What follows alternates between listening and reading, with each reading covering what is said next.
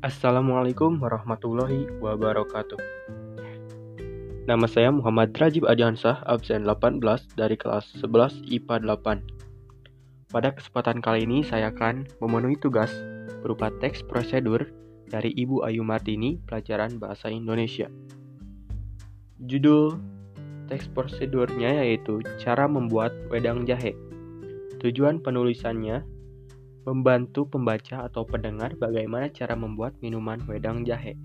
Sasaran pembacanya yaitu semua kalangan, baik muda ataupun tua, penyuka minuman wedang jahe.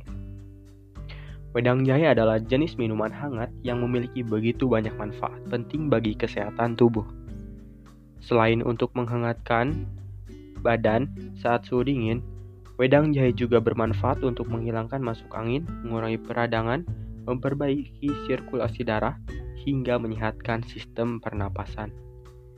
Bahan-bahan yang perlu disediakan, dua ruas jahe seukuran ibu jari, gula merah, air panas 250 ml, dan peralatan yang disediakan yaitu kompor, cangkir, pisau, dan alat pemarut.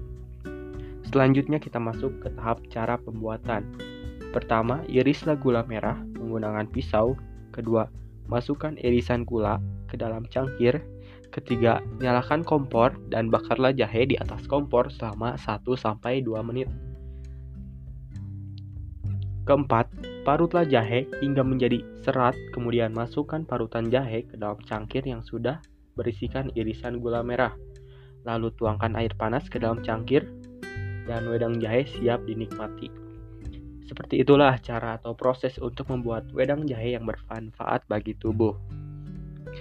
Selanjutnya saya akan menganalisis struktur dari teks prosedurnya. Dalam teks prosedur tersebut, strukturnya sudah lengkap karena terdapat tujuan, langkah-langkah, dan penegasan ulang. Dalam teks prosedur tersebut terkandung aspek kebahasaan, kata kerja imperatif perintah yang dibentuk oleh akhiran kan, i, dan lah.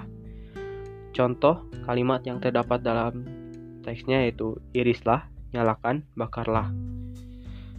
Dan juga teks tersebut mengandung aspek kebahasaan konjungsi temporal.